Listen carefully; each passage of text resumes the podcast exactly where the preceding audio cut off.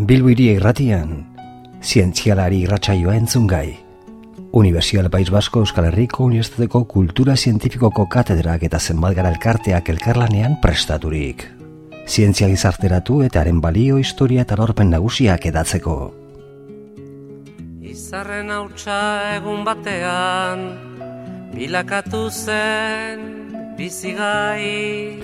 Gabriel Ibarra berastegi ingeniaria da, eta EHUko Bilboko ingenieritza eskolako irakaslea. Irakaslea bada ere, egun ikertzen diardu, eta haren ikergai nagusia ingurumena da. Eolo izeneko ikerkuntza taldeko partaidea da, eta bertan klima, meteorologia eta ingurumenari lotutako hainbat ikerketa gauzatzen dituzte. Gabriel Ibarrak Bilboko airaren kutsadura neurtu izan du. Honen kalitatean trafikoak duen eragina astartuz. Egun, itxasoko olatuetan jarri du harreta, eta bizkaiko golkoko olatuek zenbateko energia ekarriko duten aurrekusteko eredu bat garatu du ikerkuntza taldearekin batera. Burruka hortan bizi da eta hori du bere egia.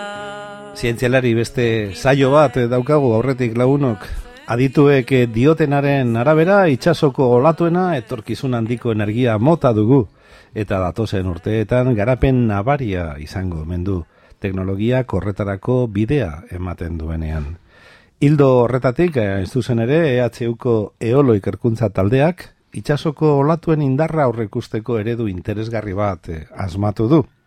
Eta Gabriel Ibarra, eolo ikerkuntza taldearen arduraduna da, eta saio honetan, beren aurkikuntzaz eta oro har itsasoko oro har hartuta ba bueno ba itsasoko olatuek energia iturri gisa izan dezaketen garrantziaz mintzatuko zaigu saio honetan. Gure artean dugu e, Gabriel Ibarra kaixo Gabriel? Kaixo. Eta beste zer baino lehenago eskerrak gure mikrofonetara hurbiltzeagatik etortzeagatik hau guztia azaltzera ze benetan gai interesgarri bat da eh benetan ikusi dugunez zure artikuluetan eta ba, bueno, itxasoko olatuek energia gisa eman dezaketena, ezta? E, azteko bat, Gabriel, egingo zen eguke mesedetxo bat, igual, alderatuko duzu itxasoko olatuen indarretik sorturiko energia beste energia berriztagarriekin? Bueno, alde nagusia izako litzateke oraindik e, ez dauela hain garatuta esaterako e, aiz energia edo eguzki energia dagoen bezala. Hori izango litzateke e, alderik nagusina. Eta horretik e, ezinbestekoa da ba, ikerkuntzan aritzea ba, e, hemendik e, urte batzutera olatuetatik e, ateralizateko e, argindarra e, eta beste mm, in, e, beste berriztagarri guztiekin bezala ba, energia iturria izateko. Izan ere, e, potentzialidadea esango genukena, potentzialidade handia dauka itxasoaren indarra beti beldurgarria baita, ez da? Bai, bai. Bai, itxasoko energia, ba, bai, e, alde batetik, e, zu esan duzun bezala, ba, izan daiteke energia iturri bat, eta beste alde batetik ere, ba, e, larrikoa baldin bada edo gehiagizkoa baldin bada ba, kaltea sortzen ditu. E, kostaldean gogoratzen dugu pasan urtean, oin bi urte e, baselako triskantzak egin zituen itsasoak. E, ba, hori diez e, alderdi biak. Onak eta txarrak. Onak eta txarrak, bai. Berazuk abantailak eta ipatzen uh hasita Gabriel, eh, nola baita itxasoko olatuen indarra honi, energia mota honi dagukionez, bere abantailak, e, ze abantaile azpimarratuko zenuke, ze abantaila? Bueno, ba, amai ezina dala, hori beste, beste berriztagarriekin e, konparatuz ba, gauza bera da, e, ez dauela kutsatzen, eta, bueno, klima laketari aurriteko ere tresna bat izan daitekelako. Baina, e, lehen esan dudan bezala, oraindik e, itxas energia bere astapenetan dago. Eh? Bai, bere bai, astapenetan dago nik eh, nik eh, nolabait nire gidoian neukan jarrita dirudien bezain erraza baldin bada urrengo galdera eta neure burua deklaratuko dute ben mm. dirudien bezain erraza baldin bada zergatik ez da lehenago teknologiari garatuta zuko zongi zuzen dut dazu Xabier bai. dirudien bezain erraza ez oso zaila da ez da bai momentuetan e, garatu ez da e, hau e, modu industrial baten e, e, ustiatzeko ez daude ez daude ez dago ez teknologia, ez metodologia, que es ese ser. Oraindik e, bide luzea falta saion e, energia iturria dago. Nolabait ingeniariok eta mm. adituok eta e, haren ahalmen guztiak ikusten dituzue, baina oraindik hartara iristeko e, nolabai tresnak falta dituzue, esan diteke horrela? Hola, hola da. I, ikerkuntza momentu honetan, e, ba, e, e, gai honetan dagoen ikerkuntzak e, lerrobi nagusi dauzka. Batetik, e, makineriakin zer ikusia dukan guztia, diseinuak, e, prototipoak, e, hau iten da lehenengo e, ordenagailu bidez e, fase baten, eta gero egin egiten dira eta frogatu egiten dira. Hor sartzen da zeta baterako lehen komentatu duguna, Eusko Jarlaritzak bime pizeneko ensaio plataforma e, arbentzaparian e, ipini duena. Anan gero, gero hitz egingo dugu. Vale, anan, anan ensaiatzeko ba, e, e, prototipuak eta makina hauek ba, nola e, egiten dute interakzioa olatuekin argindarra ateratzeko. Mhm. Eta bigarren lerro nagusia eta gu hor murbiluta gaude eta da e, olatuak e, olatuak beraiek aztertzea. Hau da e, e, aurrik ustea e, e, aldaketa, aldaketa luziak e, esaterako hori bagabiz aztertzen e, bizkaiko golkuan e, azkenengo entamar urtetan zelako bi, i, bilakara egondan bilakara egondan e, egon da mar urteak aztertzen nahi zaite bai, wow. bai. Zenbat zelan e, joan dan e, e, potenziala gora bera e, bueno. E, e, ordan gure gure gure gure ikerkuntza e, horretan zentratzen da e, esan dudan betzara peluseko e, joera nagusiak eta baita ere e, hogeta la ordu arteko e, aurrikuspenak egiteko. Orduan eskala, eskala desberdina dira, baina biak e, daukate, biek daukate bere interesa bazen bat gauzetarako.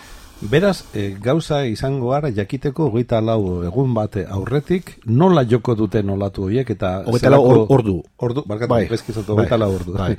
Hogeita lau ordu lehenagotik jakitea izango dugu. Bai, hori da guk garatu dugun, momentu honetan garatu dugun e, eredua, bueno, hobeto esan da metodologia, e, ze guzti hau e, preoperazionala da, e, eta garatu dugu, e, ze mm, itxas energiaren pega bat e, berriztagarri guztiekin batera da aldizkakotasuna. Hau da, oin momentu honetan e, intermitentzia. Oin badauko e, oin zetarako ba, aizea joten dau, bai. oin e, guzkia daukogu, baina ordu betera bai. aldatzen da egoera. Bai. Orduan, e, e, baldin badokogu e, orain zedarako ipiniko dut e, energia ba, jendeanak ulertzeko, baina gero olatuen, bai. olatuena gauza bera da. Oin badokogu e, aizea joten, eta orduan gure izerrotak e, errindara sortzen, sartzen badu zarera, e, eta gero, ordu betera ez dago e, aizerik, eta eta ez dago argindarrik, orduan e, holan sartuta argindarra, e, horrek sortzen ditu arrasuak zara elektrikoa gestionatzeko orduan. Claro. Horren ritmo holan oso aldakorrek piztu eta itzalde piztu hori ja berez da lan bat, da gastu bat. Da. Hori da. Eta hori bardin pasatzen da itzaz energiarekin. Ba, ba, ba. Orduan, horri ekiteko tresnatariko bada aurrezatea, ba, hogeta lordutara, zenbateko energia ekarriko duten kasunetan olatuek. Bai. Eta ja merezi duen, nolabait prozedura guztia martxan ipintzea, bai. edo geldirik egotea hori den. E, edo, edo garatzea, ea, e, aurrekuspen batekin garatzea metodologia batzuk zarea bera e, bai. kudiatzeko. Olan jakinik etorriko dela e, argindarra olako ritmo txiki aldakorrekin, bai. ba, ja, e, eta jakin badakizu galdetza horretik, posile da kudeatzeko e, protokoloa garatzea. Bai.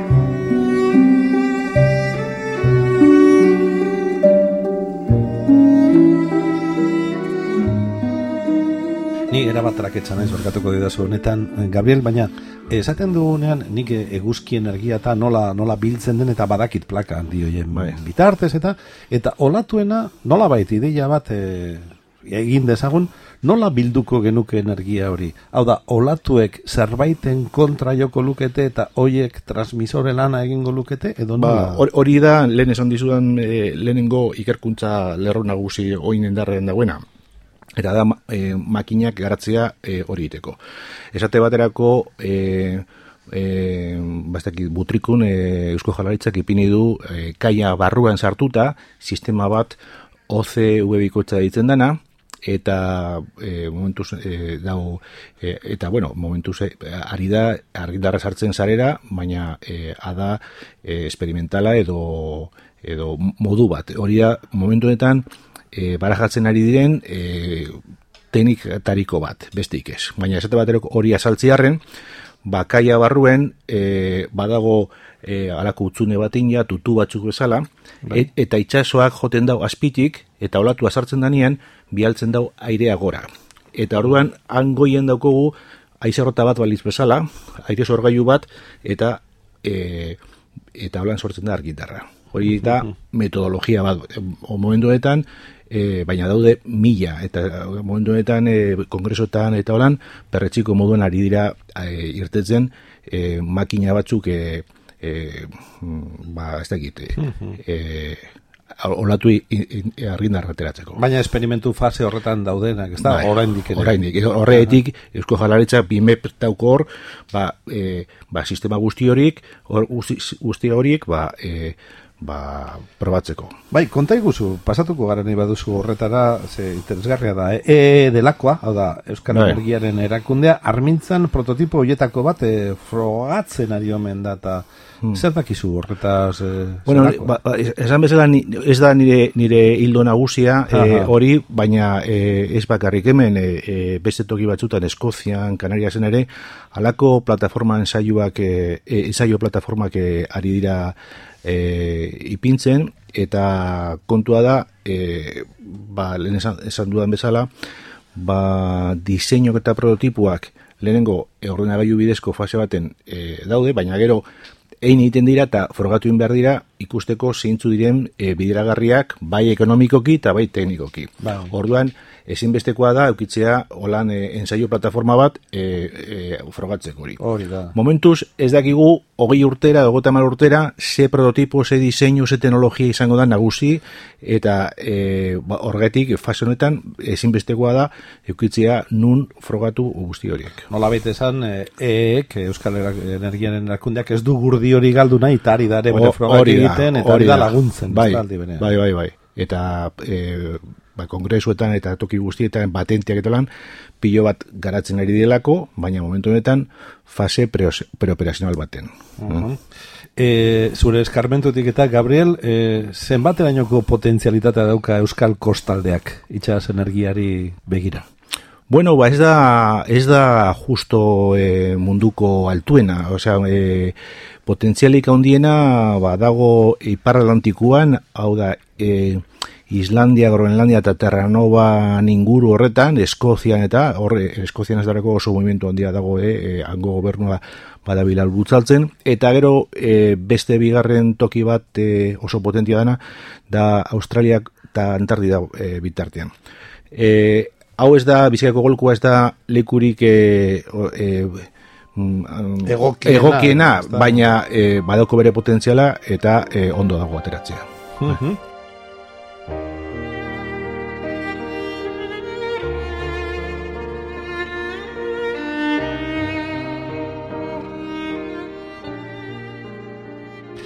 Eolo ikerkuntza Ba. taldean arduraduna zara talde horretan itsasoko uinen indarra aurrekusteko balio duen eredu hori, Bai. sistema hori asmatu duzue.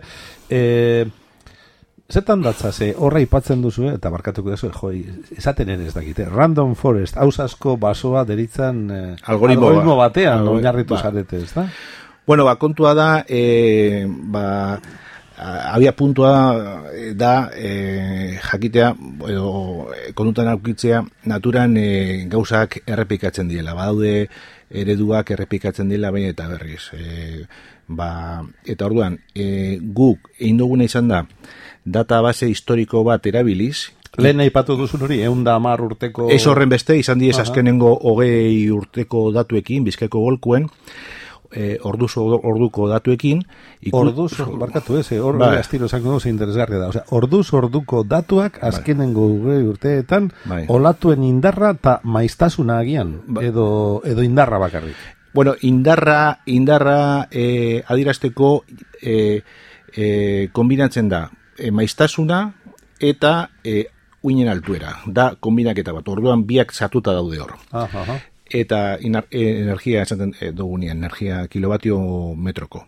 Eta orduan, e, mm, hogei urteko datuak e, aztertu ditugu, orduz orduko datuak, eta ikusita iraganean, e, zelan, e, zelako bilakaera duen ba, e, itxasoak, e, energiari dagokionez, ba, e, orduetan ikusi gaurko momentu honetan ikusten dugun itsasoko egoera, zeinen antza doka gien iraganekoekin konparatuz, eta ikasi iraganetik zelako bilakara ekin zuen ordutara iraganean, eta esaten dugu, bale, ba, hemendik e, eta ordu batzutara barrin, e, joera bardin haukin du. Orduan da, ikasi iraganetik etorkizuna e, aurrezateko. Jo, oso polita, eh? Oso...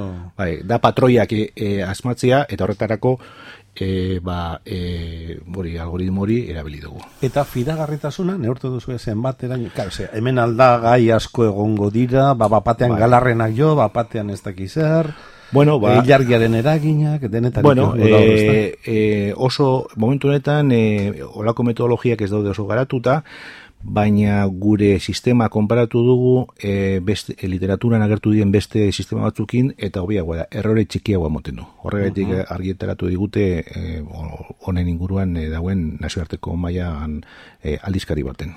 E, non bait erabiltzeko erabiliko den esperantzarik baduzu, eh, Gabriel edo... Ba, esan bezala, hau dena preoperazionala da. Hau gu bakarri izan dugu metodologia hau posible dela eta erabilgarria dela e, ba, e, aurrikuspen e, alegin horretan e, horretako or, bidien. Orduan, e, hau e, e, gerora begira, ba, ipintzen danian martzan, posible da, hau metodologia erabiliz e, aurrikustia. Uh -huh. Benetan, benetan interesgarri, eh? Bueno, bueno.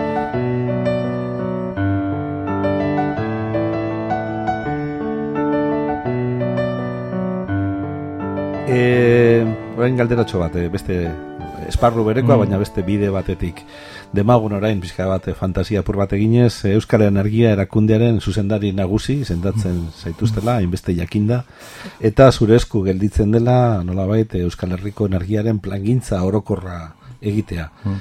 E, zenbateraino sartuko zenuke itxas energiaren aldeko apustu hau?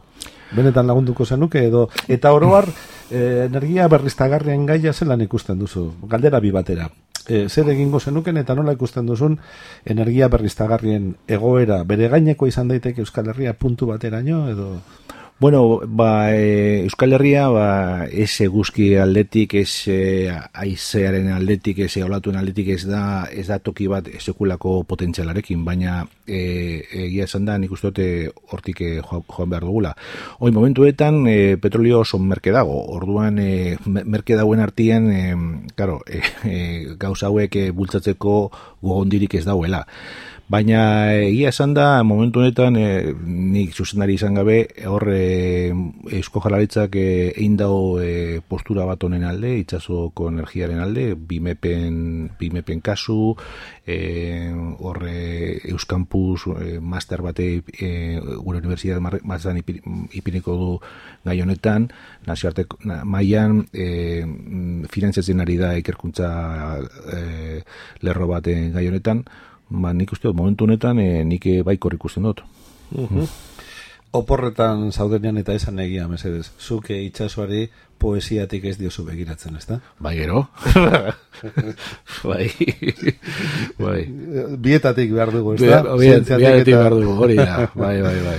Gabriel, mila esker, bai. placer bat izan da, asko ikasi dugu, eta guk orain beste begirada hori hartuko dugu. Gu poesiaren abaken euken, orain zientziaren are hartuko dugu itxasoari, gurin guruko itxaso edarroni begiratzeko. Mila esker, berri. Mila esker zueto. Universidad País Basko Euskal Herriko Unibertsitateko Kultura Zientifikoko Katedrak eta zenbat gara elkarteak elkarlanean prestaturik.